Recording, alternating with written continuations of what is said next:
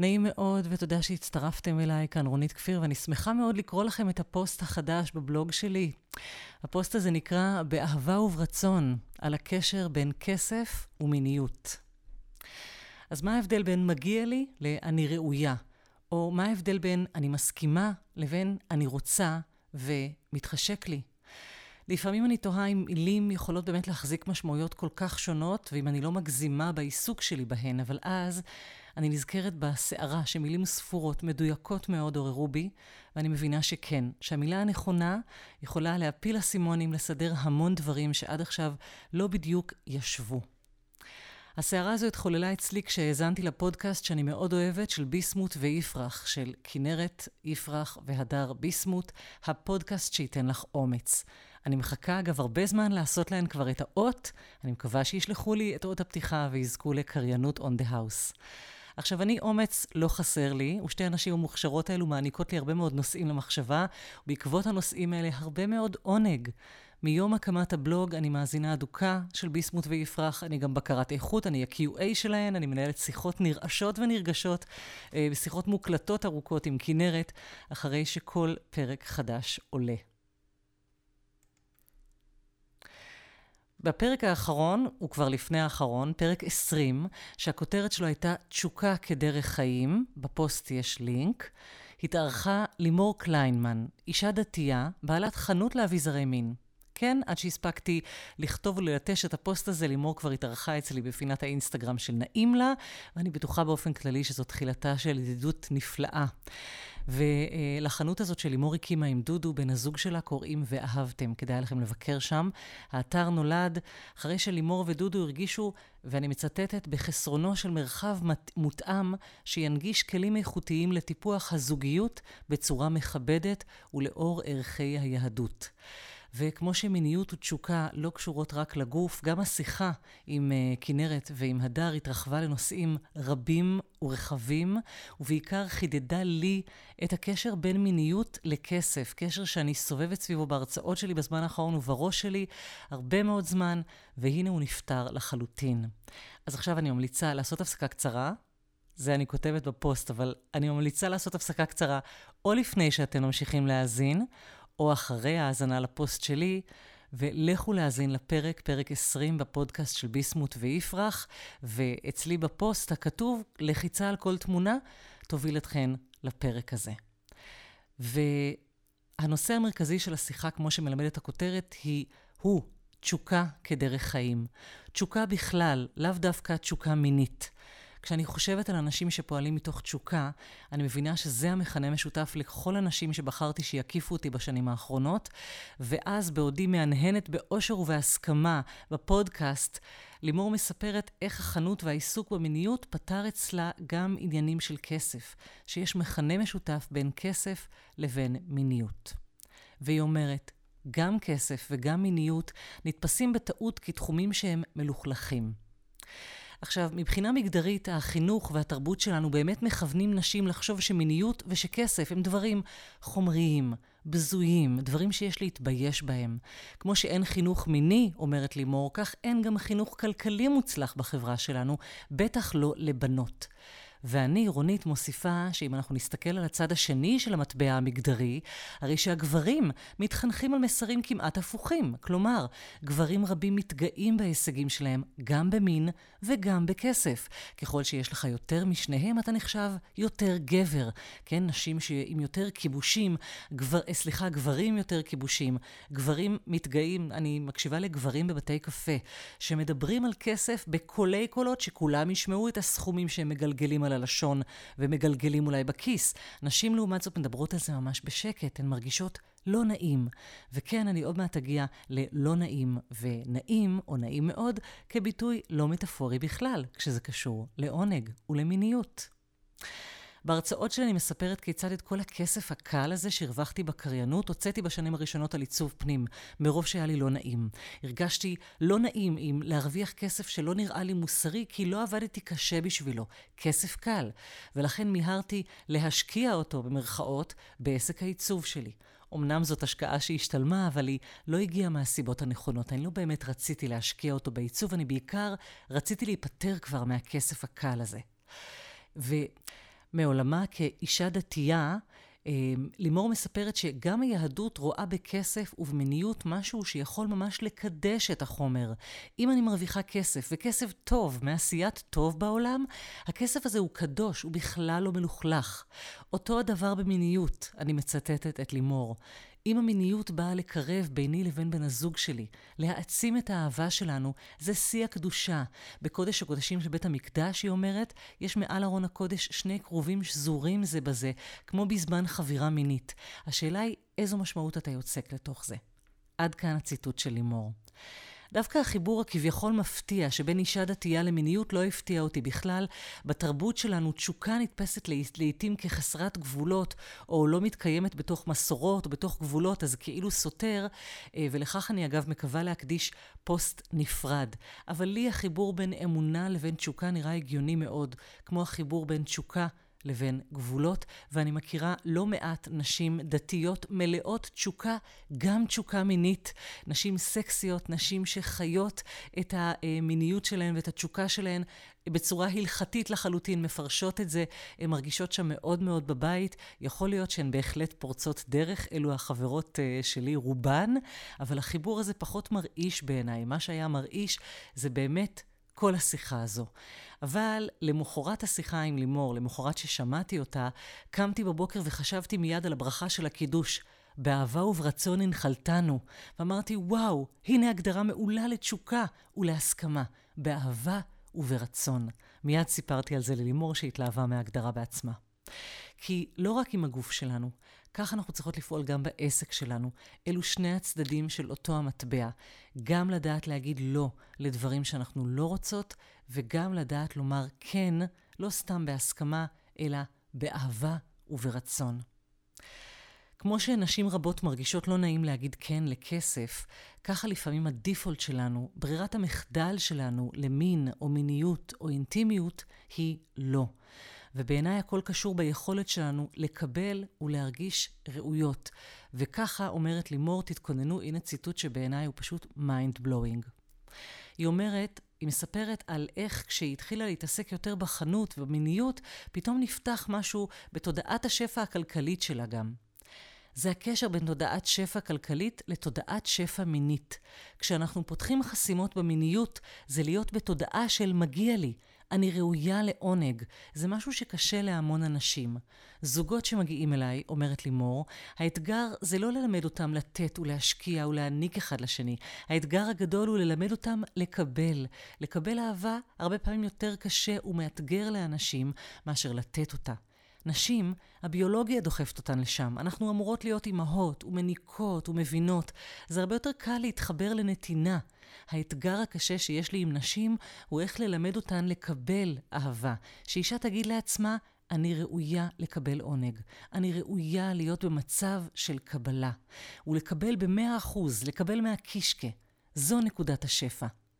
עד כאן הציטוט של לימור, לכו תשמעו אותה אומרת את זה בשיחה עם כנרת והדר, ואני חוזרת אליי. ככה זה נראה בהתנהגות העסקית. בהרצאות שלי המון נשים מספרות לי כמה הרבה הן נותנות, כמה הן משקיעות. נתתי 200 אחוז מעצמי, נתתי בלי גבול, השקעתי את כל מה שיש לי, ואז הן מתוסכלות, מה קיבלתי בתמורה? מעט מדי. אבל לא נעים להן לבקש. הן נכנסות להפסדים עצומים בעסק ובהדרגה הן מתחילות לנטור ולכעוס ולחשוב, הלקוחות שלי לא מעריכים אותי מספיק, לא מעריכים את העבודה הקשה, את כל מה שנתתי. אבל יכול להיות שבצד השני יש מישהי שלא באמת מסכימה לקבל, לא באמת מרגישה ראויה לכסף הזה. ולימור ממשיכה לספר על נקודת השפע, ואני שוב מצטטת, אני האזנתי לזה וממש תמללתי מילה במילה, וזה כתוב כאן. גם כסף הוא דבר כזה, שמביא עונג. ככה אפשר להסתכל על כסף, היא אומרת. כסף הוא אמצעי שיכול להביא לנו הרבה עונג בעולם. אנחנו יכולות לממש איתו תשוקות אחרות שלנו.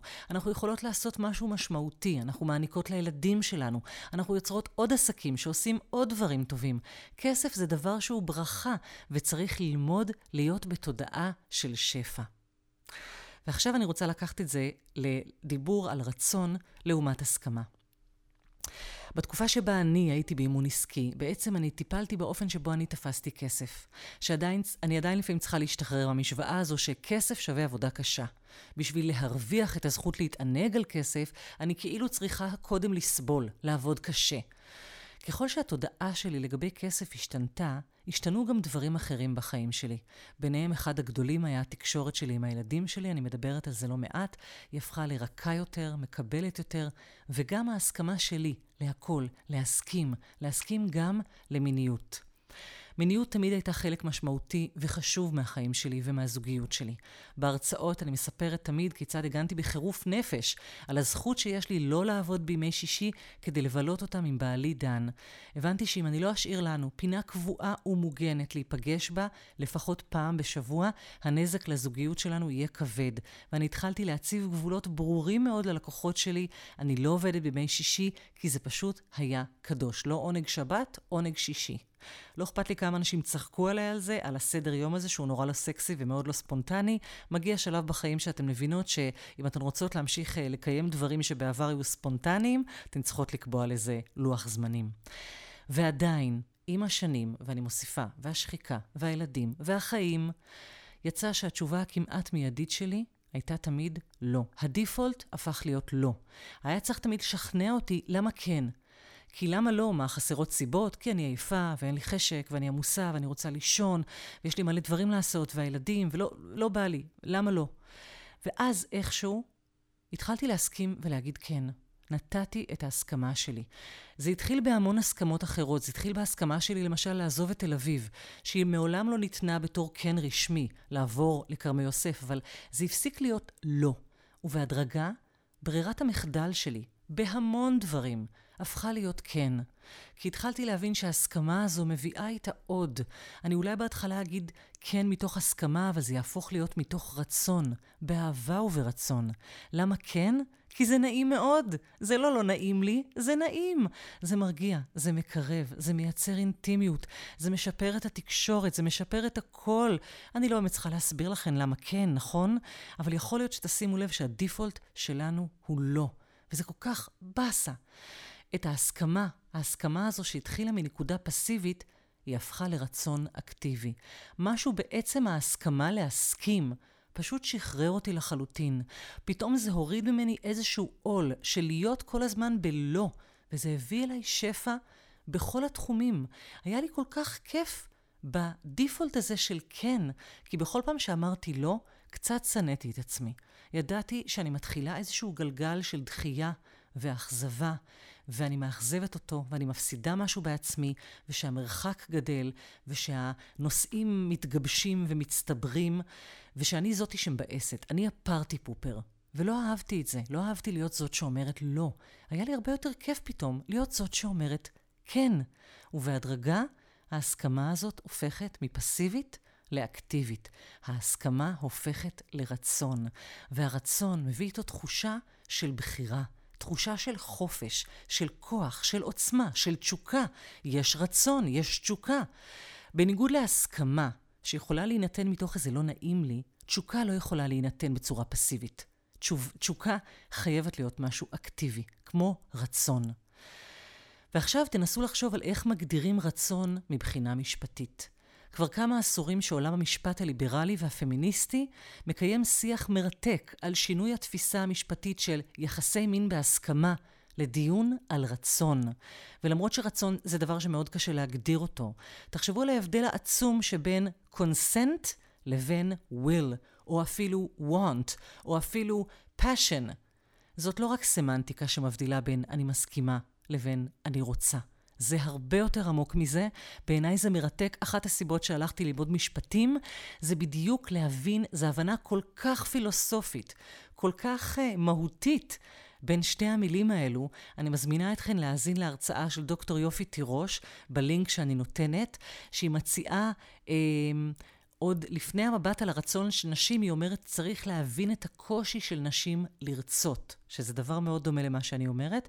ויש לי עוד לינק אה, למאמר של פרופסור רובין ווסט, שמדברת בדיוק על הדבר הזה. זה מרתק, אם זה מעניין אתכן, תמצאו את הלינקים ותקשיבו. זה מאמר באנגלית והרצאה באנגלית. לסיום אני מדברת על הרשאה לאושר, הרשאה באלף, רשות לאושר, זכות לעונג. גם את המילה הזאת, הרשאה, אפשר לכתוב דבר תורה שלם על הקשר בין הרשאה להשראה. אתן רואות איזה דוסית אני כבר נהייתי?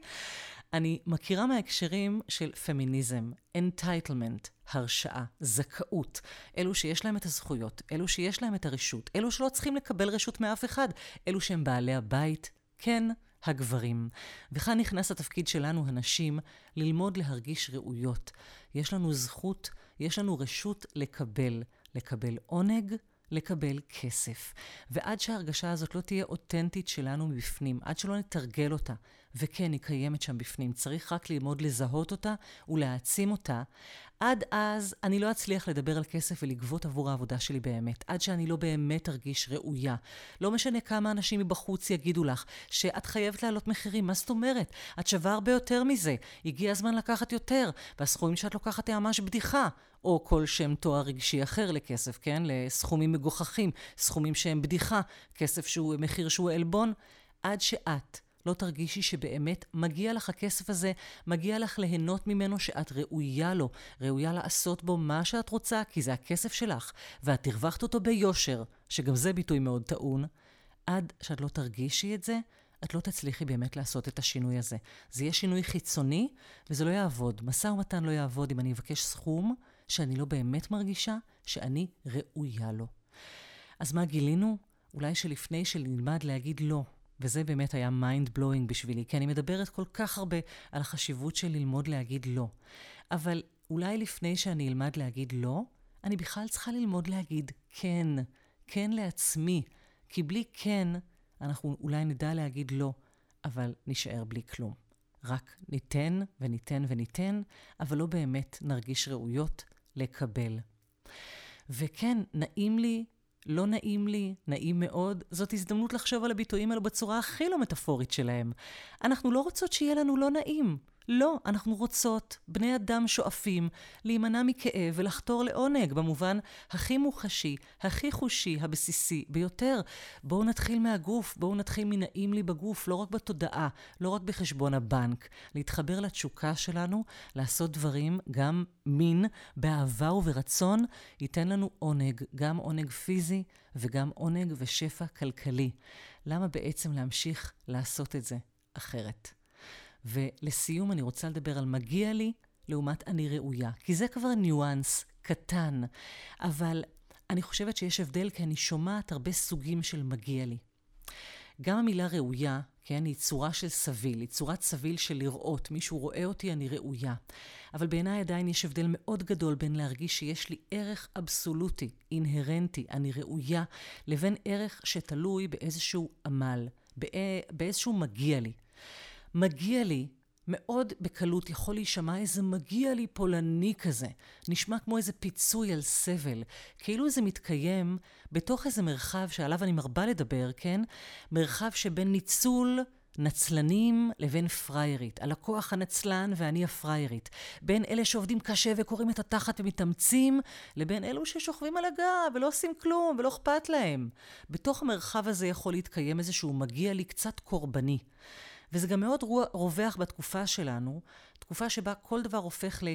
עברתי דרך, עשיתי תהליך, עבדתי קשה אז מגיע לי, הייתי בסבל, השקעתי המון ולכן מגיע לי פינוק, כן? מגיע לך לפנק את עצמך. הרווחת את זה ביושר, עבדת בשביל זה. זה ביטוי שיכול גם להיאמר בעלבון, או בכעס, או באיזושהי קורבנות. לא מעמדה של כוח, עמדה של כוח שהוא לא כוחני, עמדה של איזושהי עוצמה פנימית. לעומת זאת, להגיד אני ראויה, זה משהו אחר לגמרי. במקום שבו את ואני מרגישות ראויות, כשאני מרגישה ראויה, יש לי זכות לעונג מעצם היותי, לא רק כתוצאה של איזושהי יגיעה ואיזושהי עבודה קשה, לא בגלל מה שהשקעתי, לא בגלל מה שעבדתי קשה, אלא בגלל מה שיצרתי. בזכות משהו שעשיתי בעולם, משהו שבראתי. ולמרות שזה נשמע כמו עידוד להדוניזם, אוקיי? בעיניי מבחן התוצאה כאן שונה מאוד ממבחן התהליך והדרך. כן, אני ראויה כיוון שיצרתי משהו בעולם. בין אם זה בא לי בקלות, או בעבודה קשה, אוקיי? בזיעת אפי, או שלא, או שזה פשוט משהו שגדל על העץ וכתבתי אותו, אני ראויה. וזה מחזיר אותי לפוסט אחר שאני מאוד אוהבת. אני חושבת שזה היה הפוסט על טיולים ועל uh, כל המטאפורות של דרך ושל עשיית דרך, פוסט על טיולים עם ילדים, אם אני לא טועה, פוסט שאני מאוד מאוד אוהבת. נדמה לי שלא הקלטתי אותו עדיין, אבל אני לקחתי את הוורסיה שלי לפתגם, יגעת ומצאת, תאמין. והוורסיה שלי היא, יגעת והאמנת, תמצאי. אני יודעת שזה נשמע קצת מוזר, אבל תחשבו על זה. יגעת והאמנת. אם אתה עובד מתוך אמונה, אתה תמצא. מה שלא תעשה, אתה תמצא. כי כשאנחנו עושות בעולם דברים מתוך אמונה, שזה מאוד דומה ללעשות אותם מתוך תשוקה, אנחנו נעשה אותם בחריצות, נעשה אותם באהבה וברצון, אנחנו נעשה אותם לא לשם המציאה, התוצאה, וגם לא לשם התהליך. אנחנו נעשה אותם לשם העשייה והתשוקה. כי אם יגעת והאמנת, משהו שאת עושה מתוך תשוקה אמיתית, מתוך אמונה אמיתית, את תמיד תמצאי את מה שאת צריכה. לפעמים, כשאנחנו עושות משהו מתוך תשוקה, את יוצאת לדרך בלי לדעת אפילו שיש שם חיפוש. את לא מחפשת, זה לא יגעת ומצאת, כי לא חיפשת. אני מקווה שאתם מבינות אותי, כי זה קצת מורכב, אני מקווה שזה מובן. אבל כשאני יוצאת לדר, לדרך מתוך תשוקה ואמונה, יש שם רק מסע. מסע בעקבות התשוקה, ובעקבות, וגם על זה כתבתי, אחותה הצעירה של התשוקה, בעיניי. הן כרוכות זו בזו, הסקרנות.